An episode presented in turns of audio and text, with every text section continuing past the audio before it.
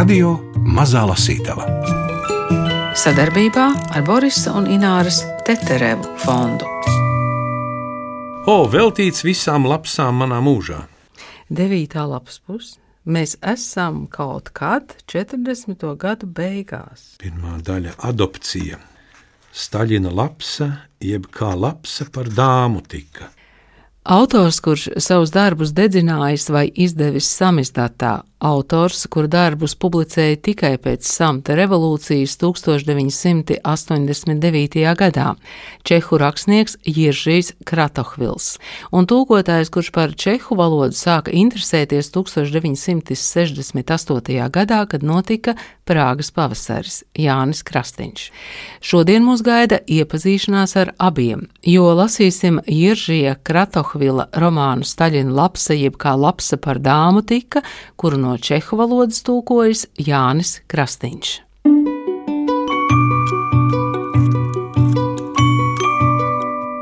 Staļina lapsa, jeb kā lapsa par dāmu tika, veltīts visām lapsām manā mūžā. Mēs esam kaut kad 40. gadu beigās, teiksim, 1948. gada septembrī, oktobrī. Brno no plašās dzelzceļnieku ēkas Leņķina ielā vācas laukā dzelzceļnieki, un to vietā vācas iekšā policisti, galvenokārt policistu elite. Valsts drošības dienesta nodaļas, tātad drošībnieki, Klāt ir policistu laiks, un dzelzceļniekiem jāatbrīvo tiem vieta. Piebraukušās dzelzceļnieku kravas mašīnas aprīja prom vedamās mēbeles, turpretī piebraukušās policistu kravas mašīnas izverd šurp atvestās mēbeles. Sāk smīlāt sīks lietutiņš, pārkravāšanās uz brīdi iestrēgst, un apakšas gaitenī tagad cits pret citu ņurcās pavisam jauni drošībnieku kancelēs galdi ar pavacākiem dzelzceļnieku kancelēs galdiem. Dzelzceļnieki mēģina draudzīgi noraudzīties uz drošībniekiem, un tie savukārt uzsmaida viņiem un pat piedāvā cigaretes, un paskat tikai tās ir amerikāņi. Dievs ar mums un ļauno prom pagaidām izskatās, ka būs tikpat krietni ļaudis kā mēs, nodomā viens no dzelzceļniekiem, ieķīlēts starp diviem policijas un vienu dzelzceļnieku galdu. Lietus pārgājis un galdi, krēsli, atzveltnes, skāpji, plaukti, kartotēkas, kumodas un aizslietņi atkal ieskrienas abos virzienos. Starp mēbeļu nesātājiem tagad ieraudzīsim arī mūsu simpātisko varoni, jauneklīti, kuru dēvēsim par Pavlīku. Viņš iejūgts pārvadātājas siksnās un pat laban iet garām dzelzceļniekiem, kuri arī dzan iejūgti siksnās un cenšas viņiem uzsmaidīt, taču cigaretes nepiedāvā, jo pagaidām ir nesmēķētājs. Pavel, tūdaļ met nostās lences, tam mums ir citi cilvēki. Nāc tālāk, turpmāk tev būs sēdēt šeit. Tas ir mūsu kantorītis, un es esmu tavs vadošais orgāns. Kamēr Pavlīks paklausīgi apsēžas, kapteinis Mišna drasē pa telpu, ko viņam piešķīruši, ar dēlnu pārbrauc sienai un uzmet aci pretējai sienai, no kuras vēl rāgojas neskāda nagla, mīņājas pa izmētātajiem papīriem un iesper pa kaut ko starp galdiem, aizsmēķē un piedāvā no kārbiņas Pavlīkam, bet viņš papurina galvu. Pīpēt gan tev būs jāiemācās. Ik viens īsts vīrs pīpē. Kapteinis jau izsenis zināja, ka grib jaunu, inteliģentu strādniecēnu, kuru pats ievirzīs arodā un vadīs tālāk, un viņš neviena rūpīgi pārlūkoja visu Brno fabriku kadra materiālus, izņemot, protams, tekstilu fabrikas, kur ir strādnieces, bet bija arī tik konsekvents, ka apmeklēja fabrikas pats un, balstīdamies uz savām piezīmēm no kadru materiāliem, Visnotaļ tuvu apskatīja jaunos strādniekus, kurus bija izvēlējies kā pašus cerīgākos, un ar dažiem brīdi pastāvēja un pārmīja dažus vārdus. Tā viņš atrada Pāvelu - strādīgu, uzticamu, vadāmu, taču vienlaikus arī spējīgu uz pašiniciatīvu, kad tas nepieciešams. Tieši tas, ko Mišna bija meklējis. Tas gan neizrietēja un pat nevarēja izrietēt no kadru materiāliem, varbūt pat ne no tikšanās reizes vaigu vaigā, bet galvenokārt no mišnas instinkta vai intuīcijas. Kapteinis Mišna bija apveltīts ar gandrīz vai brīnumainu spēju žigli orientēties cilvēkos. Tā bija dāvana, kas viņu līdz šim nekad nebija pievīlusi. Par to zināja arī viņa kolēģi no centrālas, un viņš tiem lika mulst. Neviens gan nekad neatzinās, taču no mišnas instinkta viņiem bija mazliet bail. Grāmata Staļina lapsa, jeb kā lapsa par dāmu, tika mums e, bija ļoti interesants pārsteigums. Gunārs Aboliņš e, lasīja no katras daļas nelielu fragmentu, bet e, man būtu lūgums, lai jūs mazliet pastāstītu par autoru, par kuru es pieņēmu nespeciālisti šeit Latvijā droši vien, ka maz zina. Jurijs Kratohils tātad, par kur arī es maz kaut ko zinu, tāpēc, ka sev par lielu negodu jāatzīst, ka lapsa par dāmu es, ir viņa pēdējais darbs un arī es pirms tam par viņu maz kaut ko zināju, jo man šo darbu atsūtīja viņa aģente, un es atklāju, ka tas ir ļoti interesants, ka man ļoti patīk un man gribētu tos tulkot. Bet, nu, runājot par pašu autoru, jāsaka, ka viņš ir jau pie vecākās paudzes pieskaitāms. Viņš ir dzimis Brno 1940. gadā, tā kā šobrīd viņam ir 81 gads. Un lapsa par dāmu, acīm redzot, varētu būt arī viens no viņa pēdējiem romāniem, jo, kā viņš pats izteicās pēdējā intervijā, tad viņam vairs nav, nav spēku uz kaut kādiem tādiem lieliem darbiem pieķerties. Nu, viņš ir studējis čehu un krievu valodu Masarīku universitātē Brno un pirmos darbus ir publicējis 60. gadu beigās pagājušā gadsimtā, protams. Tas, ka Čehoslovākijā bija zināms tāds atslābums politiskais, jo tādā stilā, kā viņš raksta, tad, nu, sociālistiskais realisms to necieta. Nu, un e, pirmās publikācijas viņam bija presē, un tad, kad e, bija gatavs pirmais romāns, kuram vajadzēja iznākt 1970. gadā, tad tas vairs iznākt nevarēja, viņš tika kā autors aizliegts, jo 68. gadā, kā jau mēs zinām, tad Čehslovākijā iebrāzās piecas draudzīgās pēdiņās armijas un uh, pārtrauca tur demokratizācijas procesu, un 70. gadā jau skrūves bija tik stipri pievilktas, ka tur galīgi kaut ko tādu publicēt vairs nebija iespējams. Un līdz ar to viņš 70. gadus pavadīja rakstot stāstus tāpat vien pats sev, un, kā viņš teica pavisam nesenā intervijā, tad tajā laikā viņš ir rakstījis stāstus zinādams, ka tie netiks publicēti, viņš ir tos noslīpējis līdz pēdējai iespējai, un tad, kad viņi ir bijuši gatavi, tad viņš tos ir ceremoniāli sadedzinājis, un tādējādi nav no šiem stāstiem palikusi nerindiņa, un kā viņš pats saka, tad tajā laikā ir sadedzināti veseli trīs pilni šķūņi ar stāstiem. Grāmatā Staļina lapsa, jeb kā lapsa par dāmu, tika savijas vēsturiskā fantastika, filozofisks trilleris un nelaimīgs mīlas romāns. Lasa Gunārs Aboliņš. Otrā daļa - misija. Profesors Spenders bija patiešām cilvēks ar vārdu. Turklāt ārkārtīgi simpātisks džentlmenis, tā kā vēsts par viņa arestu zibenīgi izskrēja cauri visai nāciju sadraudzībai, un daudzas nozīmīgas personības, tostarp karaliene Elizabete II, kura nu pat bija kronēta, vērsās pie Prāgas, taču arī pie Maskavas, jo viņi nojauta, ka lēmumus pieņem Kremlī, nevis Prāgas pilī, un iestājās Patrika Spendera labā. Tas taču nav iespējams, ka cienījams Lielbritānijas pilsonis un izcils literatūras zinātnieks arī turpmāk kvernēs komunistiskās policijas nagos. Un, lai gan neviens nekādu atbildi nesaņēma, viņa nešaubījās, ka tas, kas atgadījies Misteram Spenderam, ir tikai muļķīga kļūda, kas liecina par pašreizējo saspringto un haotisko situāciju, komunistiskajā Čehoslovākijā, bet kļūda jau drīz tiks labota un Prāga atvainosies vai neatvainosies, tas arī nav svarīgi, bet galvenais ir tas, ka profesors Spenders atkal varēs vienā mierā nodoties savam literāri zinātniskajam darbam, kura dēļ devies uz Prāgu.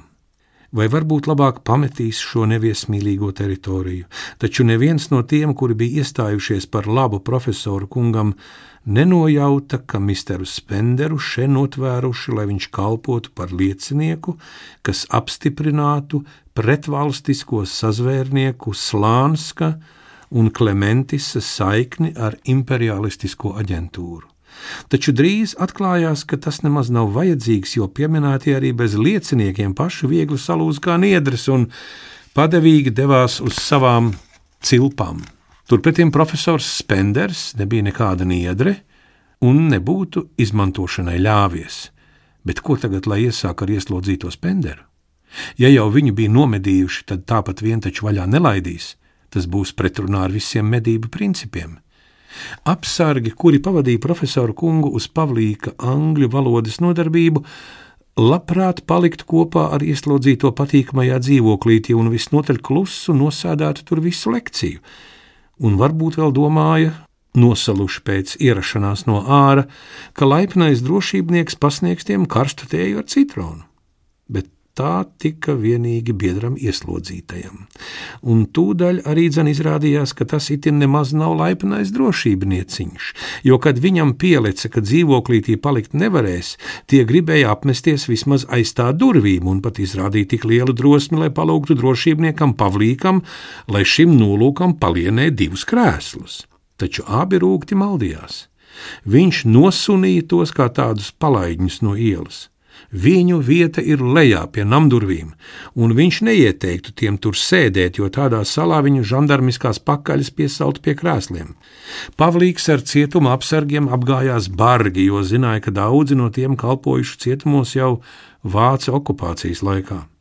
Profesors Spenders bija pārliecināts, ka studentam jau pēc pirmajām lekcijām vajadzētu izmēģināt lasīšanu vai vismaz jāieskatās angļu grāmatās.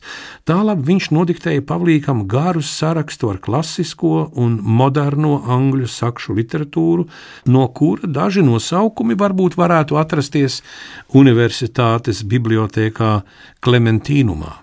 No klasiķiem sarakstā, protams, netrūka Dikens un Melvila, No modernās literatūras Hemingveja, Fitzgeralda, taču arī mazāk pazīstamā, taču brīnumainā Davida Gārneta ar savu Lady into Fox, labs ar dāmu. Izsalušies apsargi tādējādi nopriecājās, ka var kopā ar ieslodzīto doties uz bibliotēku un tur staigāt gar plauktiem un piepildīt koferīti ar grāmatām, un vēl kopā ar ieslodzīto aiziet līdz Vāclava laukumam un ēdienu automātā kronis, atvēlēt viņam un arī sev gabaliņu no turienes debesu mannas. Paldies! Būtībā viņa literārā darbība varēja izvērsties tikai pēc samta revolūcijas 89. gadā, un pēc 89. gada viņš ir publicējis vesels 17 romānus, ja neskaita piedāvā vēl dažādus stāstu krājumus, esēju krājumus, kā viņš ir bijis šajā laikā ļoti ražīgs un ir saņēmis arī dažni dažādus čehu apbalvojumus, un viņa darbi ir iztulkoti jau 15 valodās, un latviešu valoda ir 16. valoda. Sakiet, kas jūs piesaistīja, kad eh, jūs teicāt, aģents atsūtīja šo te darbu, jūs lasījāt, kas bija tas, kas piesaistīja jūsu uzmanību? Nu, man uzmanību piesaistīja tas, ka tas būtībā ir diezgan traks darbs, jo tur ir divas tādas sižeta līnijas, un tā pirmā sižeta līnija par to, ka Stalins izaudzina no lapsas sievieti par spiedzi, kas varētu tur veikt kaut kādus speciālus uzdevumus Eiropā. Tas ir, tā, protams, tīrā vēsturiskā fantastiska, to varētu saukt par fantastisku pasaku, kas ir pilna ar dažādiem ironiskiem, groteskiem mājumiem. Nu, un otrs puses, tur tas sižeta līnija, kas ir par Čehijas, toreizās Čehslovākijas drošības dienestu darbību, kas ir diezgan realistiski aprakstīta un, nu, nu, ko mums derētu atcerēties, jo tur būtībā jau parādās arī tas, kā darbojas padomju drošības dienestu un čehu drošības dienestu no padomju drošības dienestiem toreiz tikai vēl mācījās. Bija tā. Un vispār tas teksts bija uzrakstīts tādā ļoti interesantā valodā un ar dažni dažādiem tur. Nu, bija katrā ziņā interesanti.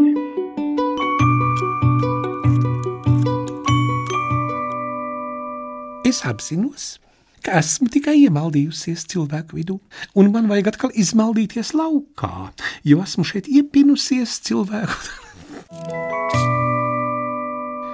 Es apzinos, ka esmu tikai iemaldījusies cilvēku vidū, un man vajag atkal izmaldīties laukā, jo esmu šeit iepinusies cilvēku darīšanās, uz kurām man nav tiesību. Reizumis vakarpusē iegriežos uz mises brīdi kādā baznīcā, tās šeit izaugušas, Tiklīdz bija mitējies zelta rakšanas drūdzis un cilvēki no zelta putekļiem bija pacēluši galvu uz zvaigžņu zeltu debesīs. Šeit ir viņu iesākums un viņu beigas. Sākumā viņš šeit krista savus bērnus, un šeit visur karājas viņu nāves simboli krusti, taču dara to vien savas ziņkārības, ne citu iemeslu dēļ. Manī nav nekripatas no cilvēku ilgošanās pēc nemirstības. Es eju iepirkties uz lielu supermarketu Cēzara Čavesa laukumā un klimstu tur ar ratiņiem starp desmitiem citu ratiņu, bet šeit manī nav nedruskas no cilvēku alkām pagrābt sev iespējami vairāk un vēl vairāk. Es nopērku tikai to, kas man vajadzīgs, un pēc iespējas drīz no turienes pazūdu. Baidos, ka vairs tikai mana ziņkārība vien pievērsta visam, kas apkārt, un ar ziņkārīgām lapsas acīm es tikai brīnos par visu, ko dara cilvēki. Es vairs pat nezinu, kā tas bijis vēl pavisam nesen, taču baidos, ka tagad arī mana attieksme pret Pavlīku balstīta tikai uz ziņkārību un uz draudzību. Es vēl joprojām ziņkārīgi noraugos, kā viņš mani kaislīgi apstrādā, un vēroju veidu, kā viņš to dara, bet man jāatzīst, ka jau esmu uz to gana ilgi raudzījusies, un no dvēseliskās puses tas man sāk garlaikot. Protams, es neesmu viņam par to žēlojusies, bet neesmu varējusi nociesties, un esmu izmēģinājusi to arī citur, lai pārliecinātos, vai šī erotiskā garlaicība piemīt tikai Pavlīkam. Es kopā ar Pavlīku eju uz teātriem un operu, savreiz arī uz koncertu zālēm. Manuprāt, viņš domā, ka ar cilvēku kultūras plūdiem apturēs manu atkāpšanos no cilvēku valodas. Kad bijām noskatījušies tieši pat labam ļoti slaveno lūgu komivojažiera nāve, pa ceļam uz mājām Pavlīks man pavaicāja, ko es par to saku. Es godīgi atbildēju, ka vietām tā bija visai garlaicīga, tāpēc nesaprotu, kas tajā visus fascinē. Viņš izbijās, tu to nedomā nopietni? Nu, nu esmu pārspīlējusi, es zinu. Tajā bija skaisti kostīmi, un vispār varēja manīt, ka tur ieguldījuši darbu, kas tik bieži viss negadās. Viņš iesmējās, es allaž aizmirstu, ka tu esi mana mazā draiskule un ieblieza man pa muguru dunku, kas man pāri nenodarīja, jo man uz muguras ir rudā biežņa, kura kā spilventiņš apslāpē visus triecienus. Bet tagad es gribēju pastāstīt par to, kā es izmēģināju to citur. Nu tad klāju vaļā. Tur eh, sākums man šķiet ir, eh, kuri gadi ir domāti, tie ir. Sākums ir 40. gadu beigas pēc eh, komunistiskā režīma, kad komunisti pārņēma varu Čehoslovākijā, tad viņi tur sāka rīkoties. Nē, tās Čehoslovākijas reālijas, tā kā es sekoju Čehoslovākijai kopš 68. gada Prāgas pavasartam, un tās visas reālijas ir diezgan zināmas, un man arī interesējuši tā vēsture, tā kā es ļoti daudz par to esmu lasījis. Tur man nekāda pārsteiguma nebija drīzāk tur dažādas problēmas ar to pašu labs audzināšanu, to kā labs ceļoja uz Sibīriju un kādiem zvēriem viņi tur satikās, un tur tas, tas kas notiek ar labs Sibīrijā, tā nu ir galīgi, galīgā fantastika, tur, tur ir visādi joki, protams, kas bija mazliet sarežģītāki. citādā ziņā nekas īpaši sarežģīts nebija. Jā, es gribēju jums jautāt, eh, kāpēc jūs sākāt interesēties par Čehiju un čehu valodu, bet daļēji jūs jau laikam atbildējāt, ka tas bija Prāgas pavasara ietekmē. Nu jā, tas bija Prāgas pavasara ietekmē, jo man toreiz bija 18 gadi, es beidzu vidusskolu un grasījos stāties Latvijas valsts universitātes ķīmijas fakultātē, un tajā laikā notika 21. augustā Prāgā iebruka Padomju Savienības un no citu valstu karaspēks, un tas, tas man uzmanību piesaistīja, un katrā ziņā tas viss bija samērā liktenīgi, jo, ja nebūtu Prāgas pavasara, tad es diez vai Čehslākē tādu uzmanību būtu pievērsts. Grāmatā Staļina lapsa, jeb kā lapsa par dāmu, tika mums ir iespēja iepazīt vienu no postmodernisma pīlāriem čehu prozā pēc 1989. gada Jiržiju Kratohvilu. Līdz šim viņam izdoti 17 romāni. Par šo romānu viņš saņēmis Čehu galveno literāro balvu. No čehu valodas tulkojas Jānis Krastīņš, izdevis Pētergailis. Klusu un skaļi lasīja Gundars Āboliņš, Agita Bērziņa, Nora Mitspapa un Ingvilda Strautmane.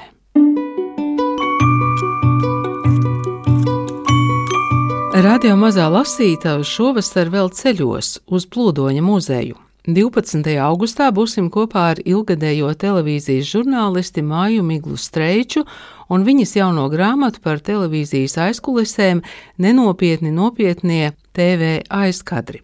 Māju kā rakstnieci mēs iepazinām ar grāmatu Matildas gadsimts, kas gan ir cita žanra darbs, bet valodas precizitāte ir Mājas Miglas Streičas vizītkarte. Jā, grāmatā ir citi noteikumi, un, bet tie panorāmas sižeti ja man viņi nebūtu bijuši, ja es nebūtu tik ilgs gadus nostrādājis panorāmā, tad es varbūt iespējams nebūtu arī iemācījusies apgūst to precizitāti, to, eh, teiksim, ka katram vārdam tomēr ir jābūt ar svaru, ka nedrīkst neviens vārds būt kļūdains, ka vēsturiskie fakti nedrīkst būt kļūdaini. Un tās divas minūtes, jā, nu, protams, divas un trīs minūtes, un kādreiz to ar tādām sāpēm atbrauc, teiksim, no Daugaupils, un producents tev pasaka, divi ar pus minūtes. Bet mēs taču braucām, cik stundas, nu tā bija visa, visa diena faktiski. Nē, divi pus minūtes vairāk neiet iekšā. Nu tad arī tā, bet es arī neapvainojos, jo es zinu, ka Tiem citiem arī ir tās divas ar pus minūtes, un tādi mēs esam. Grāmata tas ir cits apjoms, un, ziniet, es varu pateikt, ka grāmata rakstīt ir bauda. Jo tur tu vari izlikt savu sirdi, un šeit es tiešām rakstīju daudz ko no tā, ko es atcerējos, ko es izjūtu. Un tas vēsturiskais materiāls, ko es meklēju klāt, tas bija Nevis tāpēc tās pašmērķis, bet tas bija tāpēc, ka es jau sen biju domājusi, nu, kā tas ir. Nu, kas notika pasaulē tajā dienā, kad piedzima mana vecā mamma, kad piedzima mana mamma, kad piedzima es pati, vai nu, ulmaņa laikos, vai kas kara laikos, par ko stāstīja, ko rakstīja avīzes, kas bija dokumentos, arhīvu, kas tur sastopams. Un, Un tā interese man pašai bija interese uzreiz momentā skatīties, ņemt un to visu likt arī savā grāmatā.